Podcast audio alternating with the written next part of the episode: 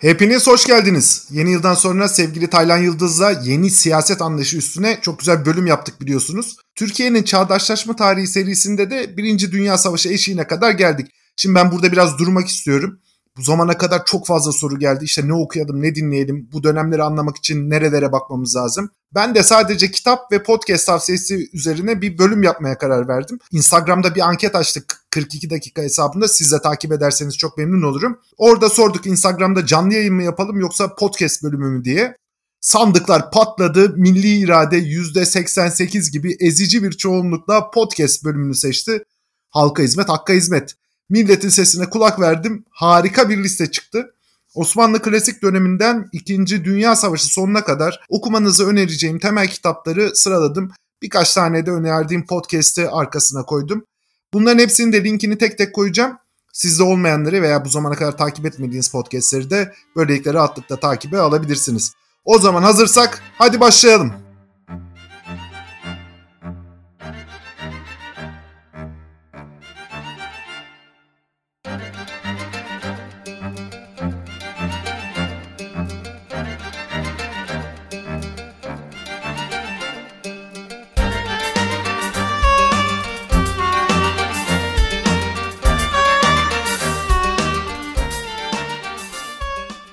Şimdi kitap tavsiyelerimizin ilk bölümü Osmanlı tarihi hakkında. Bunların başında Halil İnalcı'nın devasa eseri Devleti Ali'ye geliyor. Devleti Ali'ye dört ciltten oluşuyor ve tarihçilerin kutbu dediğimiz Halil İnalcı'nın 50 yılı aşkın çalışmalarının ürünü. E, eserin ilk cildi Osmanlı Devleti'nin bir beylikten Balkanları hükmü altına alan güçlü ve köklü bir imparatorluk haline gelişine odaklanıyor. Ama diğer ciltlerde Osmanlı tarihinin sonuna kadar Halil İnalcık bizi gerçek tarihi anlatan bir yolculuğa davet ediyor. Bu kitabı Osmanlı tarihini biliyorum zanneden, Osmanlı tarihi hakkında bir fikrim var diye düşünen herkesin okuması gerekiyor. Bu Kadir Mısırlıoğlu'nun Fesli Deli Kadirlerin yalan yanlış masalsı tarih anlatısına karşı en büyük cephanemiz gerçekleri, hakikati belgelere dayanarak ortaya koyan büyük tarihçi Halil Nalcı'nın bu gerçekten uzun yıllar Türkiye'deki tarihçiliğe de yön verecek olan eseri. İkinci kitabımız Şimdi sadece Osmanlı tarihini bilmek yetmiyor. Osmanlı'da yaşayan insanların nasıl bir hayata sahip olduğunu, günlük sosyal zevklerini, bu hayat içerisinde neler yaşadıklarını, neler yaptıklarını, değerlerini de anlamak gerekiyor. Has Bahçe'de Ayşe Turap, Halil İnalcık'ın buna yönelik bize ilham verecek bir eseri. Nedimler, şairler, mutripler Osmanlı Sarayı'nda padişahların has bahçede geçirdiği hoş vakitleri ve bu adetin İslam öncesi İran İmparatorluğundan Emevi, Abbasi ve Timuri saraylarına uzanan köklü geleneğini o dönemlerde yazılmış değerli kaynaklardan derleyerek sunan bir çalışma. Padişahların İşret Meclisi adıyla anılan bu eğlencelere yakın adamları olan Nedimlerle birlikte nasıl katıldığını, şiir, musiki ve rock sanatlarının en seçkin örneklerinin nasıl verildiğini ve bu seçkin örneklerle padişahların nasıl eğlendiğini gösteren bir eser. Bu eserin önemli tarafı şu, anlatılan ve hepimizin üstüne boca edilen bu Ortodoks Osmanlı padişahı imgesini yıkan, Osmanlı padişahlarının İslam dogması ve ortodoksisi dışında seküler hayatına ışık tutan, onların çevresindeki nedimler, şairler, yazarlar, mutripler gibi birçok insanla da bunun ne kadar normal olduğunu gösteren bir eser. Çok nitelikli bir çalışma. Yaklaşık işte 490 sayfa falan. Okudukça insan gerçekten doyamıyor. Ee, sizin hepinize bunu tavsiye ediyorum. İçinde çok güzel şiirler ve aklınızı durduracak hikayeler var. Üçüncüsü Osmanlı tarihinde İslamiyet ve devlet. Şimdi Osmanlı tarihinde İslamiyet ve devletin önemli bir tarafı var. Biz bu zamana kadar Osmanlı'nın teokratik, şeriatla yönetilen bir devlet olduğu hakim görüşüne maruz kaldık. Bu eser bu görüşü yıkıyor. Tam aksine şöyle kitabın arkasından hemen size söyleyeyim. İslamiyetle 9. yüzyılda tanışan Türkler kendi devlet anlayışlarını İslam dünyasına taşıdı diyerek konuya giriyor. Böylece devlet ve hukuk kavramlarında bağımsız sivil otorite ve onun kanun koyucu gücüyle yine büyük bir değişiklik ortaya çıktı. Şimdi bunun şöyle bir önemi var biz sekülerliğin yani egemen olan gücün, padişahın yalnızca kendi seküler, dünyevi otoritesinden aldığı yetkiyle kural koyduğunun çok farkında değiliz. Halbuki örfü hukuk böyle bir yol. Evet Osmanlı'da şeriat hukuku fıkıh uygulandı ama Osmanlı padişahları yalnız kendilerinden kılıç hakkından kaynaklanan seküler, dünyevi iradeye dayanan kurallar da koydular. Dolayısıyla laiklik dediğimiz kurum siyasal İslamcıların iddia ettiğinin aksine son derece kurumsal bir köke sahip. Osmanlı tarihinde de seküler hukuk uygulandı. Laiklik bunun çok daha ileri bir adımıydı. Halil İnalcı'nın Osmanlı tarihinde İslamiyet ve devleti sayesinde özellikle kendi geçmişimizi daha rasyonel bir gözle de anlama imkanına kavuşabiliriz. Şimdi bundan sonra birazcık farklı bir eser var. Donald Quater'in Osmanlı İmparatorluğu 1700 ile 1922 arasındaki dönemi kapsayan bir eser. Şimdi Osmanlı İmparatorluğu üzerine son yıllarda çok çeşitli araştırmalar, çalışmalar yapılıyor. Bu araştırmalarda hem yeni belgeler ortaya çıkıyor hem de yeni bakış açıları Osmanlı tarihine hayata geçiyor. Bu yeni bakış açısı taşıyan eserlerden bir tanesi Donald Quatert'in bu eseri. Donald Quatert bu eserde bize hem bu yeni belgelerden hem yeni bilgilerden yararlanarak farklı bir bakış açısı sunuyor popüler kültüre, tarım, imalat, ulaşım ve demokrasi alanlarındaki gelişmelere, cemaat arasındaki Osmanlı'daki cemaatler arasındaki ilişkilere ve Osmanlı mirasına çok geniş ve daha çok dışarıdan bir gözle bizdeki hakim anlatının çok dışında bir bakış açısıyla bakıyor. Bu eseri de Osmanlı İmparatorluğu tarihini anlamak en azından bunun üstüne tartışmak isteyen herkese öneririm. Şimdi sadece tarihi kronolojik olarak bilmek hiçbir şeye yetmez. Tarihin dinamiklerini de anlamamız gerekiyor ve bu dinamiklerden en önemlisi ekonomi.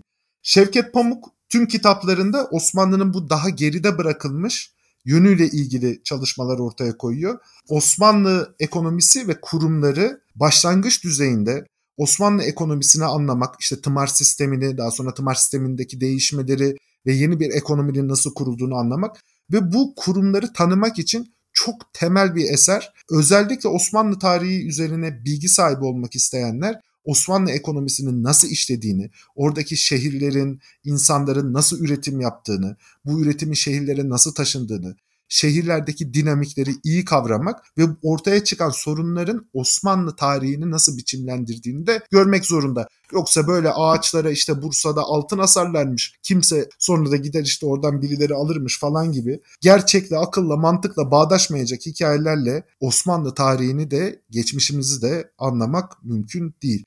Şevket Pamuk kitabında birkaç önemli soruya cevap arıyor. Bir kere Osmanlı Devleti ekonomi politikalarına katı müdahaleci ve egemen bir devlet miydi? Yoksa pragmatik, esnek ve müzakereye yatkın bir devlet bürokrasisine mi sahipti? Osmanlı tarihi hakkında sık sık dile getirilen gerileme paradigması ne ölçüde geçerli?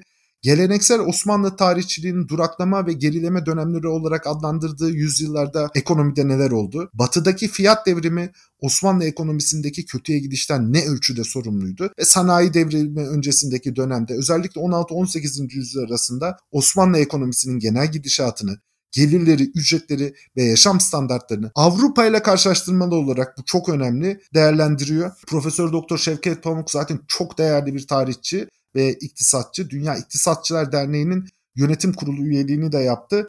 Dolayısıyla Şevket Pamuk'un Osmanlı Ekonomisi ve Kurumları kitabını size öneriyorum. Bundan sonra önereceğim yazarın ben size sadece bir tane kitabını söyledim ama bu ismi gördüğünüz bütün kitapları alabilirsiniz.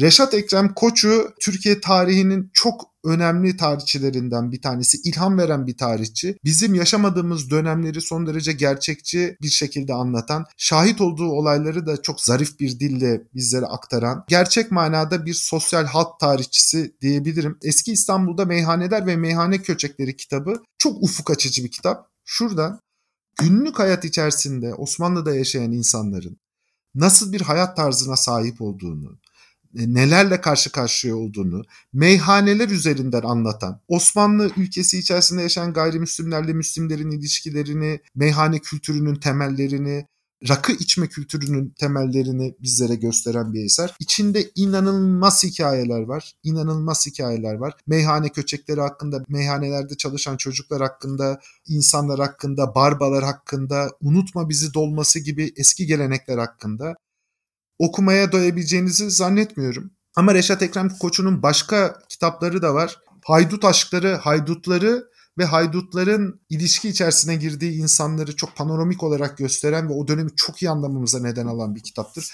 Kafes arkası günahkarları özellikle tüm kadınlara tavsiye ettiğim bir kitap. Çünkü Osmanlı döneminde çok kapalı, çok tek yanlı zannettiğimiz bir ilişkiyi, aşk ilişkisini, kadınların çok da etkin olduğu, kimi zaman çapkınlık yaptığı, kimi zaman işte genç erkeklerle birlikte olduğu yeni bir ışık altında bizlere gösteriyor. Yani öyle zannedildiği gibi geçmişte de insanlar aynı bugünkü insanlar gibi aşık oluyorlardı, aşk için büyük bedeller ödüyorlardı. Kimi zaman ve muhteşem aşk hikayelerine de imza atabiliyorlardı. Tarihte İstanbul esnafı Şevket Pamuk'un Osmanlı Ekonomisi ve Kurumları kitabıyla birlikte okunabilecek bir kitap. Esnaf loncalarını, kurallarını, esnafların nasıl çalıştığını, sanatçıların, zanaatkarların haklarını ve sistemin nasıl işlediğini günlük düzeyde bize gösteren bir eser. Şimdi Reşat Ekrem Koçu'dan sonra gene bizim açımızdan Osmanlı'nın son dönemine yetişmiş, Cumhuriyet'in kuruluşuna şahit olmuş çok önemli bir ismin kitabını sizlere tavsiye edeceğim.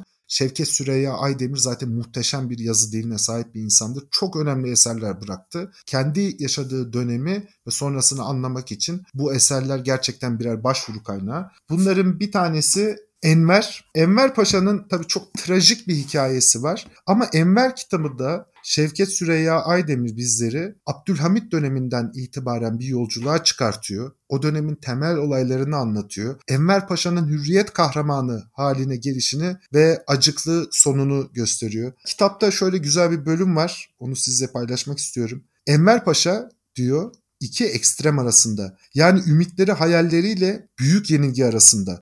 Ama daima cesur, daima dinamik, kendi talihiyle boğuşur ve onun sonu ne yazık ki imparatorluğun da sonu olur. Enver Paşa'nın portresini sadece tanımak için değil ama dönemin ruhunu tanımak, dönemin insanlarını tanımak, dönemin düşünce biçimlerini anlamak için çok temel bir eser.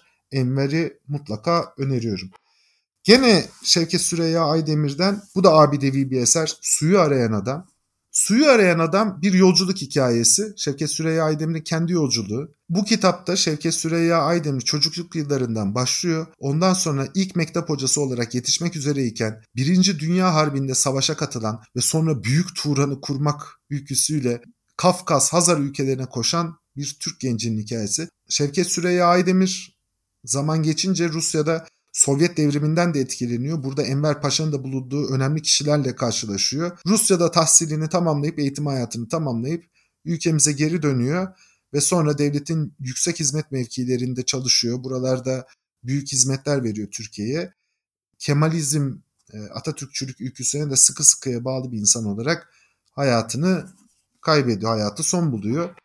Onun hikayelerini dinlerken çok az bilgiyle fakat çok büyük ümitlerle çok cesur işlere kalkışan belki de cehaletin verdiği cesaretle ancak iyi hesap edemediği için bunun karşısında çok büyük yıkıntılar gören Türk aydınının hikayesini de bulabilirsiniz. Fali Rıfkı Atay da aynı dönemi iki eserinde ele alıyor. Batış yılları özellikle önerdiğim bir eser. Fali Rıfkı Atay çok zeki bir insandır. Çok iyi bir gazetecidir. Atatürk'le çok yakın çalışma imkanı bulmuştur. Osmanlı İmparatorluğu'nun son dönemini, batış yıllarını neredeyse tüm günlük olaylarıyla anlatıyor. Kitabın arkasındaki şu bölümü sizinle paylaşmak istiyorum. Şöyle diyor Fahri Rıfkı Atay. Biz Osmanlı İmparatorluğu'nun son çocuklarıyız. Biraz büyüyüp kendimize geldiğimiz zaman memleket sınırlarının bir ucu Adriyatik, bir ucu Fars Körfezi kıyılarındaydı. Rüşdiye Mektebi'nde okuduğumuz coğrafya kitabına göre ülkemiz daha da büyüktü. Mısır ve Sudan, Bulgaristan Prensliği, Bosna ve Hersek sınırlarımız içindeydi. Henüz Tunalar, Niller ve Fıratlar Türkiye'siydik. Şimdiki Doğu petrollerinin bütün kaynakları topraklarımızdaydı. Bu sayfalarda çocukluğumun ve ilk gençliğimin havasını teneffüs ettirmek üzere sizleri gerilere götürmek istiyorum. 1918'e kadar geçmişin hatıralarını durmadan ve son dakikaya kadar uslanmadan ve ayılmadan ödeyen bir nesil olduk. Hiçbirini kendi işlemediğimiz günahların acı ve ağır azaplarını biz çektik. Bugün ve yarın için faydalı dersler verebilecek ölüm kalım sınavlarından geçtik. Maksadım bugünün ve yarının gençlerine Osmanlı'nın batış ve dağılış yıllarının hikayelerini anlatmak ve onları Türkiye'nin geleceği üzerinde daha uyanık tutmaktan ibaret. Ben kitabı okurken doğrusu herkesin herkesin yaşanabileceği bir felakete şahit oluyormuş gibi hissettim. Şener Şen'in oynadığı Değirmen filmi de hemen hemen bunun gibi hisler yaratıyordu. Herkes Osmanlı'nın dağılacağını biliyordu. Herkes kaçınılmaz sondan haberdardı. Herkes bunun için bir şey yapmak istiyordu. Ama en sonunda yapılanlar Osmanlı'nın elinden hayatta kalmak için son şansı da ve Birinci Dünya Savaşı'na girilmesi kararıyla koca bir imparatorluk çökerken o imparatorluğun içinde yaşayan halkımız da yok oluşla karşı karşıya kaldı. Kurtuluş Savaşı mucizesinin ve sonra gelen Cumhuriyet'in gerçek manada ne kadar büyük bir mucize olduğunu anlamak için batış yıllarını okumak lazım. Fali Rıfkı Atay'ın Zeytin Dağı edebiyatımızın ve tarihçiliğimiz için zaten çok temel eserlerden bir tanesidir. Birinci Dünya Savaşı döneminde Osmanlı'nın son döneminde bizzat Birinci Dünya Savaşı'na katılan ve kritik rollerde yer alan Fadi Rıfkı Atay'ın bir nevi kişisel günlüğü, anıları diğer yönüyle de o dönem yaşananların duru bir özetidir. Zeytin Dağı kitabın arkasında dediği gibi gerçekten insanın kanını donduran tarihi bir süreci. Bir imparatorluğunun çöküşünü en açık ve yalın şekilde bizim karşımıza getiriyor. Kitapta Mehmetçiğin Yemen'de, Aden'de, Kanal'da, Gazze'de, Arap çöllerinde nasıl öldüğünü, nasıl kırıldığını, yenilgiden sonra bir vagon dolusu mecidiye altınını bile nasıl bıraktığımızı hayretler içerisinde bizlerin gözlerine bizlerin önüne sunuyor. Cemal Paşa'nın emir subayı Fadi Rıfkı Atay o günlerde çok yakınında Cemal Paşa'nın ve şahit olduğu birçok olayı Ahmetlerin, Mehmetlerin, mezarsız ölen yüz binlerin hikayesini anlatıyor. Yakup Kadri Karaosmanoğlu o da bizim açımızdan çok önemli bir yazardır. Kitap hakkında şöyle yazmış. Fali Rıfkı'nın son eseri Zeytin Dağı, Cumhuriyet devri edebiyatının en büyük hadiselerinden birini teşkil etti. Fali Rıfkı'nın bize hatırlattığı devir, Türk milletinin geçirdiği ve geçirebileceği felaket devirlerinin en facialısı, en dehşetlisi ve ruha en çok bezginlik verenidir. Eğer muharririn keskin ve yüksek zekası bu devir üstüne berrak bir aydınlık gibi aksetmemiş olsaydı, biz ona doğru başımızı çevirip tekrar bakmak arzu ve cesaretini kendimizde bulamayacaktık. Zeytin Dağı'ndan sonra Fahri Rıfkı Atay'ın diğer bütün kitaplarını da okumanızı tavsiye ederim. Özellikle Çankaya, Cumhuriyet döneminde anlamak için böyle bir temel eserdir. Bir bakmanızda fayda var.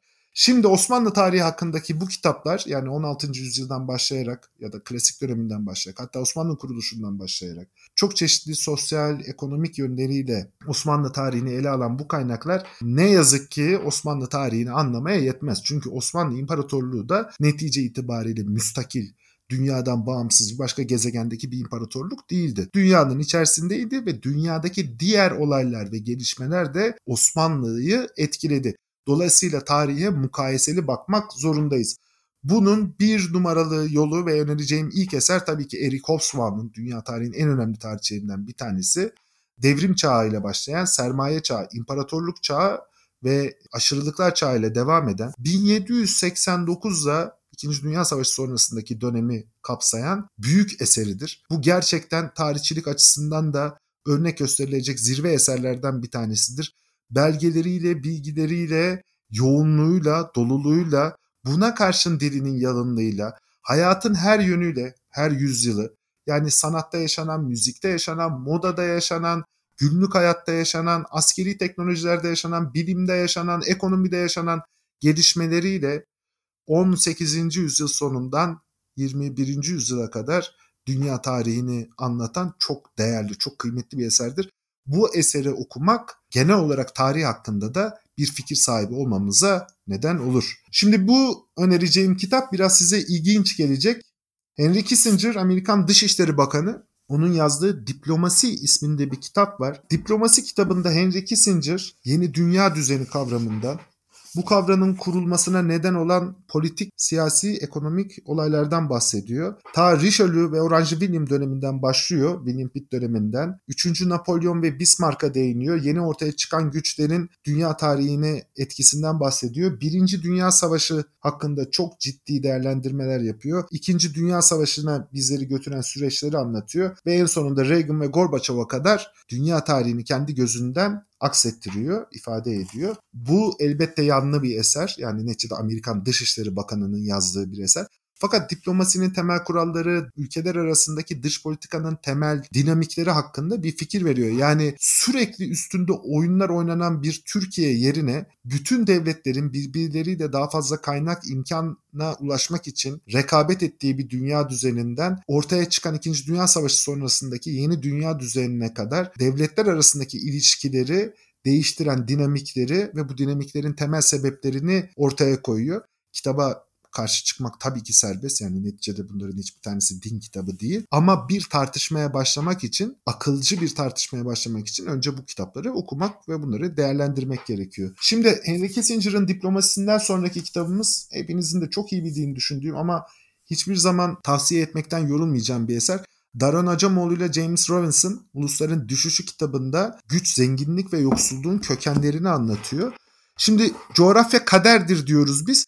Bu kitabın temel hikayesi şu. Tarih kaderden ibaret değildir. Ulusların düşüşü tarih boyunca milletlerin özellikleri de birbirine benzeyen milletlerin ekonomik ve politik gelişmeleri arasında neden büyük farklılıklar olduğuna dair bir tartışma yürütüyor. Neden bazı ülkeler zenginken bazıları yoksul şeklinde bir soruyu ortaya atıp köleci toplumlar feodalizm, sömürgecilik, kapitalizm ve sosyalizm uygulamaları arasında ilginç ve çok öğretici verileri bizlerle paylaşıyor. Sömürgeler, koloniler, devrimler ve kurtuluş hareketlerini bizlere anlatırken sanayi devrimini, sonra hastalıkların ve ortaya çıkan yeni teknolojilerin toplumsal gelişmeler olan etkisini geniş bir çerçeveyle ortaya koyuyor. Zaten ikisi de ödüllü insanlar ortaya koydukları tez de çok zekice bir tez.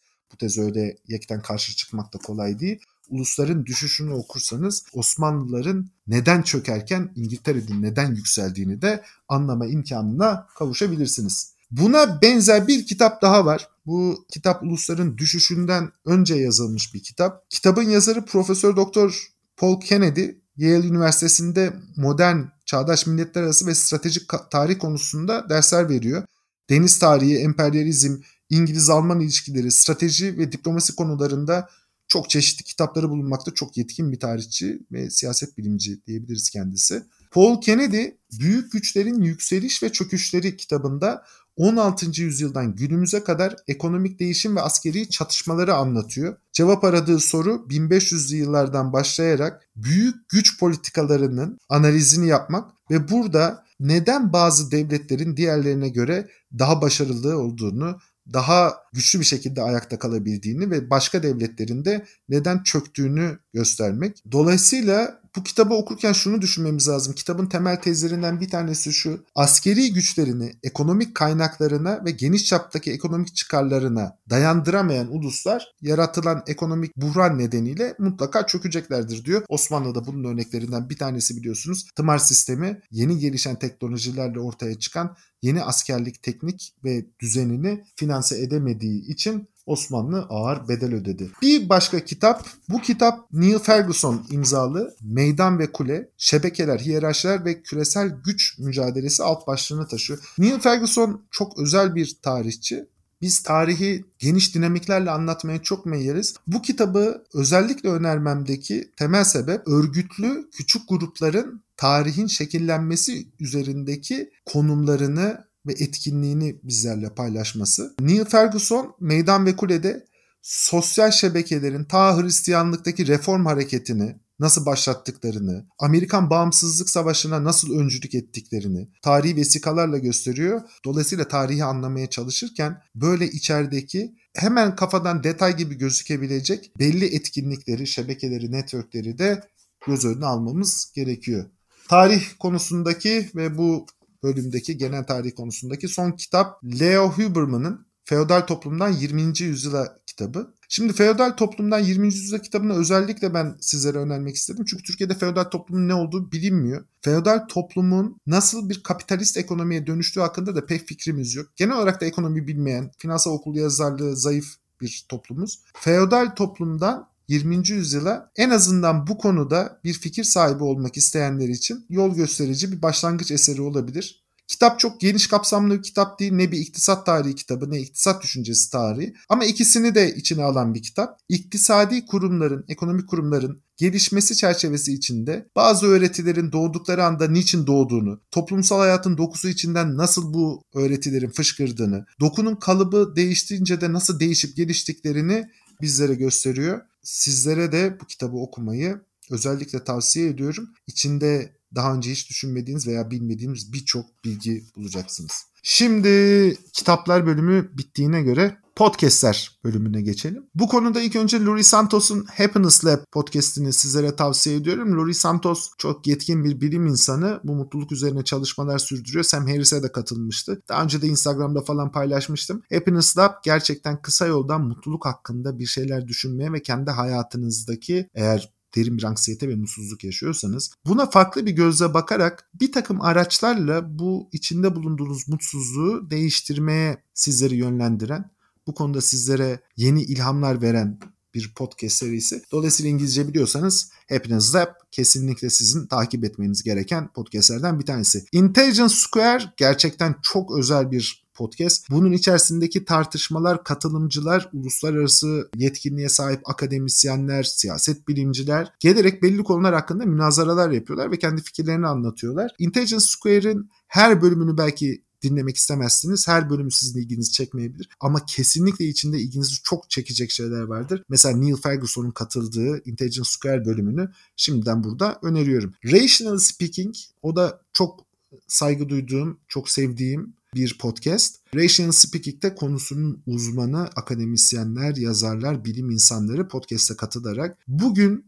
21. yüzyılda bizlerin tartıştığı temel konular hakkında çok önemli bilgiler paylaşıyorlar. E, gerçeklik hakkında, hakikat hakkında, yapay zeka hakkında, sanal gerçeklik uygulamaları hakkında inanılmaz bölümler var mutlaka takip edin. Inside the Hive, Emily Jane Fox'la Joe Hagan'ın yaptıkları, birlikte yaptıkları bir podcast. Ben de e, Sam Harris'in katılması vasıtasıyla dinledim. Güncel Amerika'daki politik durum hakkında bilgi almanızı sağlayan Vanity Fair'ın da desteklediği Vanity Fair bünyesinde yapılan bir yayın, podcast. Yani Amerikan politikasına ilginiz varsa, Amerika'da nelerin yaşanacağı ve gelişmeler hakkında neticede bu gelişmeler bizlerin de hayatını etkiliyor. Bir fikir sahibi olmak istiyorsanız bazı bölümlerini takip etmek isteyebilirsiniz. Econ Talk ben yani doğru sunucusunu pek beğenmiyorum işin doğrusu. Fakat inanılmaz iyi iktisatçılar katılıyorlar programa ve çok keyifli tartışmalar yaşanıyor. Böyle iktisadın güncel meseleleri hakkında işte derinleşen yoksulluk, yoksulluğun aşılması, işte sosyal eşitsizlikler, adaletsizlikler, yeni teknolojinin yıkıcı etkisi veya kurucu etkisi gibi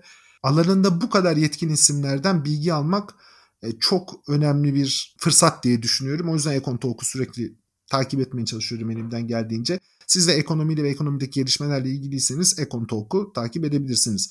Şimdi son iki podcast takip ettiğim birçok podcast var Türkiye'de. E, hepsini siz de biliyorsunuz. İşte Odadaki Fil'i de takip ediyorum. Eray'la Özgür Mumcu'nun yaptığı muhteşem seriyi de takip ediyorum. Flarsız entelliği söylemeye zaten gerek yok gibi gibi. Ama iki tanesini sizin dikkatinize sunmak istiyorum. İkisi de Açık Radyo'dan. Bir tanesi ve önce tavsiye etmek istediğim Açık Radyo'da yayınlanan şimdi Spotify'da ve podcast olarak da var olan Didik Didik Freud programının yapımcıları Şerol Teber, Serol Teber ve Şenol Ayla tarafından yayınlanan Fikret serisi. Tevfik Fikret'in hayatını anlatan, Tevfik Fikret'in fikirlerini ve yaşadıklarını bizlerle paylaşan çok dolu dolu bir eser. Tevfik Fikret bizim için çok önemli bir yazardır. Ee, yalnızca verdiği ilhamlarla değil, Mustafa Kemal'in de fikir dünyasının oluşmasında çok derin bir iz bırakmıştır. Mustafa Kemal'in en sevdiği şairdir. Tevfik Fikret'i tanımak bir yönüyle Mustafa Kemal'i tanımak demektir. Dolayısıyla Fikret'i hele o Serol Teber'le Şenol Aylan'ın güzel sohbeti içerisinde dinlemek farklı bir keyif oluyor. Önereceğim son podcast Ahşaptan Betona, Mecidiyeden Jeton'a. Gene Açık Radyo'dan Açık Radyo tarafından yayınlanan bir podcast serisi. Hazırlayan ve sunan Pınar Erkan. Çok ilginç konulara değiniyor gerçekten. Mesela Topkapı Sarayı ve Harem Dairesi hakkında çok güzel bölüm var. Kadıköy'ün bilinmeyenleri çok güzel bölüm. Eski Galata Köprüsü'nde elim bir kaza bölümünü sizlere tavsiye ediyorum.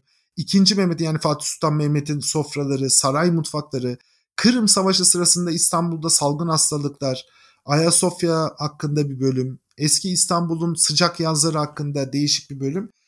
Osmanlı tarihiyle ilgiliyseniz ve o dönemin insanlarını nasıl yaşadığını bilmek istiyorsanız Pınar Erkan'la Ahşaptan Betona, Mecidiyeden Jeton'a sizin için çok uygun bir podcast. Şimdi tavsiyeleri böyle bitirmiş olalım.